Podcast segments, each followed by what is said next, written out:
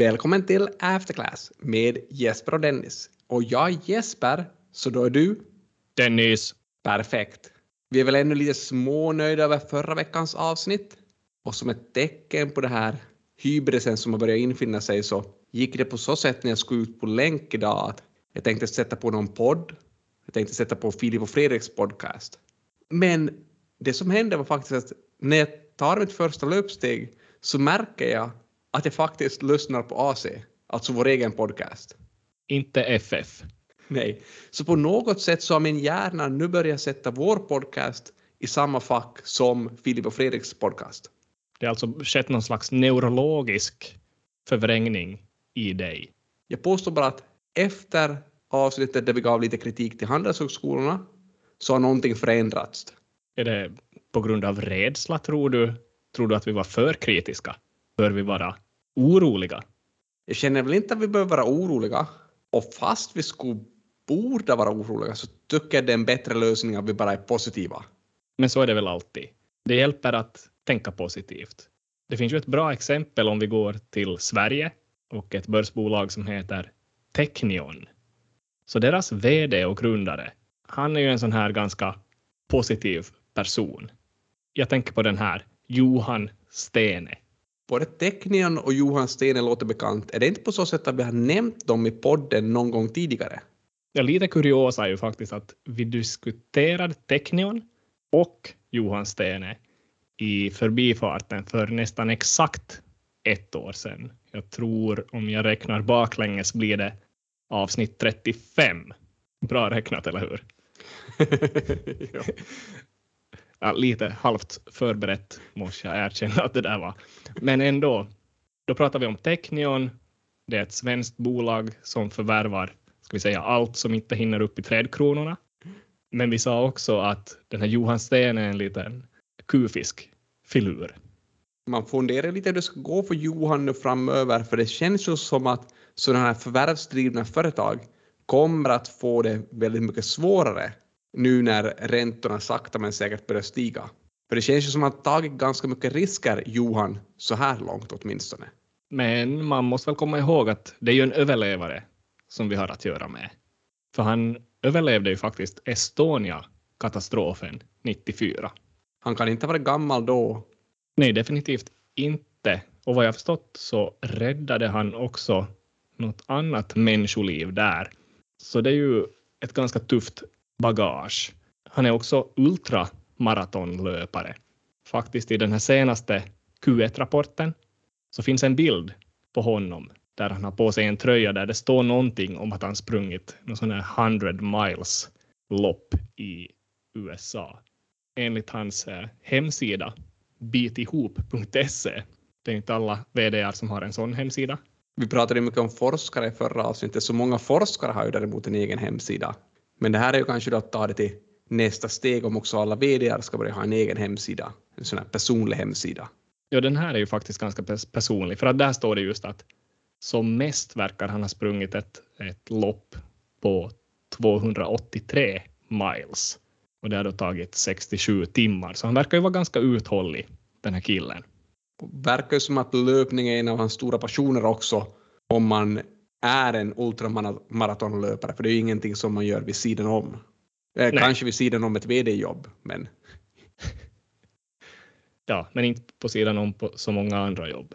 Men på tal om den här Beat Ihop se-sidan. Så där ger han också sina bästa livstips. Så kanske det är någonting som vi kunde fundera på. Och vad kan han ge oss för råd där då? No, livstips och livstips, de flesta har att göra med löpning. Faktiskt. Så han säger, spring inte mer än att passionen kan hållas vid liv. Och där är passionen för ens respektive då, eller för löpningen? Ja, det står varken dera och inte heller någonting om teknion där. Så det är oklart. Men han fortsätter att fart förstör. Du ska springa fint och tyst, kort och ofta. Så det är nog fokus på det här löpande, vad det verkar. Vila betyder inte att sitta still, utan eh, kroppen leker i rörelse. Sen ska du sätta upp tuffa mål, sådana som är riktigt obekvämt hårda. Och när du har tagit första steget mot målet så ska du aldrig vända om, utan fortsätta framåt, le och vara glad. Man blir kanske lite obekväm redan av att läsa de här tipsen. Så man hoppas ju att han kan väga upp det med väldigt bra och seriösa VD-kommentarer. Jag sa det ju att han hade en bild på sig själv med någon t-shirt där på den här vd-kommentarsidan, så det, det ger kanske en lite oseriös bild, men han vill väl verka skön på något vis. Och de flesta uppfattar honom nog också som en ganska skön kille, men vi kan ju ta några axplock ur vad han säger där. Titta lite snabbt på rapporten här, att här har han kommit fram till något riktigt unikt här. Han säger att oron är påtaglig i både marknad och samhälle. Ja, den kanske man har hört förut. Men den här då? Om vi kan välja så surfar vi hellre än paddlar. Men vi flyter aldrig bara omkring. Ja, det måste man ge honom att det är lite roligt skrivet. Och kanske det till och med också skrivet lite med glimten i ögat. Ja, alltså det här med surfning versus paddling, så det tror jag han kopplar till något sånt här, till något sånt här att de justerar helst, eller de justerar ut priserna alltid före det är för sent, så att de inte behöver paddla väldigt kraftigt och, och justera då det väl är för sent. Och de undviker aldrig att justera. Och utpriserna här är vad? Det är väl försäljningspriser. Ja, okej. Okay. Så alltså priserna? Ja. ja in, inpriserna är väl då du köper in? ja. Nej, mycket bra. Mycket bra. Sen utförsäljning, det är väl lite mera då man avslutar verksamheten. Eller eh, bara någon vanlig rea. Vill du veta vad utförsåkning betyder? ja, den tror jag har, äh, har under kontroll. Men roligt med Technion, det kommer att bli intressant att se om deras fina resa fortsätter nu när det blir svårare att förvärva bolag. För Technion är också potentiellt ett av de här förvärvsdrivna bolagen som kan lyckas också trots att räntorna blir högre. Eftersom de har ju fokuserat just på att köpa företag som har ett positivt kassaflöde. Så det är inte som att Technion är ägare av en hel massa förhoppningsbolag. Nej, det där är ju bra att notera. Kanske bättre att notera än, än det som Johan Stene avslutar vd-ordet med. För där säger han i princip bara att nu ska vi ta vara på livets ljusglimtar när vi kommer åt och att oavsett vad framtiden bär med sig så hoppas han nu då att precis som den här Hasse Alfredsson sjöng i sången så hoppas han att barna ändå får ett glas öl. Och så är det en Youtube-länk. är det inte så att ett av Technions bolag är någon typ av ölproducent eller har någonting med öl att göra? Och det verkar nog så, för att ännu en grej som ingår i det där vd-ordet så är en uppmuntran att nu då det är vår uppmuntrar han att ordna festival och konsert och om det är någon som behöver öl på, på tapp, eh, kyl eller frys till olika evenemang, restauranger eller butik så ska man ringa Johan på Markis City www.markiscity.se Ja, så kanske de är ägare då av Marcus City. Men jag tror vi måste avsluta snacket kring Johan nu och kanske vi ska avsluta det som han avslutar sitt vd-ord. Ja, han kör ju en kontaktannons där det står att han söker bolag i en viss storleksklass som vill växa och bli uppköpta. Om man känner att man är ett sådant bolag så ska man ringa Johan Stene. jag tänkte inte att vi ska avsluta med en kontaktannons. Jaha, okay. jag tänkte med det här som man också ser på slutet, Run far, be nice. Okej. Okay. Så jag vet inte, annat som man kan säga likheter mellan Johan Stene och oss är väl just det här att det är ibland mer och ibland mindre seriöst, men vi går vidare i livet med ett leende på läpparna. Nu börjar ju också läshåret vara slut. Och förhoppningsvis har alla studerande lärt sig någonting under året. Och det är väl först nu vi riktigt får veta om studenterna har lärt sig någonting, för det är nu tentperioden börjar. På tal om sån här att, att lära sig saker, Så jag läste nyligen en sån här internationell rapport om inlärning. Så jag funderar, kanske vi skulle kunna lära oss någonting av den? Du sa en, en internationell rapport. Ja, den heter faktiskt International Report colon Neuromyths and Evidence-Based Practices in Higher Education. Så det är en stor gemensam studie av många forskare från flera länder som har gjort det här. Har vi någon finländare med där bland forskarna? Nej, ingen från Finland faktiskt, dock en, en kvinna vid namn Alida Andersson som kanske har mest Finlandskoppling. Men hon, hon bor i Washington DC, så det är lite oklart. Men de har i den här studien nu då ett antal sådana här påståenden om inlärning. Och sen har de låtit lärare i olika former säga är det ett korrekt påstående eller inkorrekt påstående. Så ska vi testa något sånt här påstående. Ja, men det här låter ju ganska roligt, så vi testar lite påståenden och ser vart vi kommer med det här. Okej, okay. Nummer ett. Återläsning, alltså att man läser om kursmaterial flera gånger, det är en effektiv strategi för inlärning. Är det korrekt eller inkorrekt? Beror lite på hur man definierar effektiv, men nu känns det ju som att det är ett sätt att lära sig åtminstone. Så det är korrekt.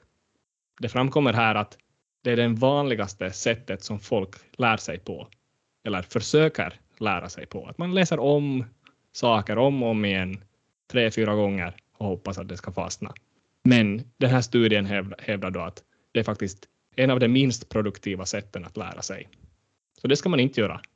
Men förhoppningsvis var jag inte ensam som trodde att det här var ett, ändå ett helt okej okay sätt att lära sig. Det är faktiskt ett av de här påståendena som folk har haft mest fel på. Ett annat påstående kommer nu. Sån här små tentor eller mikrotentor, quiz och så vidare. Är det ett effektivt sätt att lära sig? Ja, men det känns som det måste också vara ett effektivt sätt att lära sig. Yes.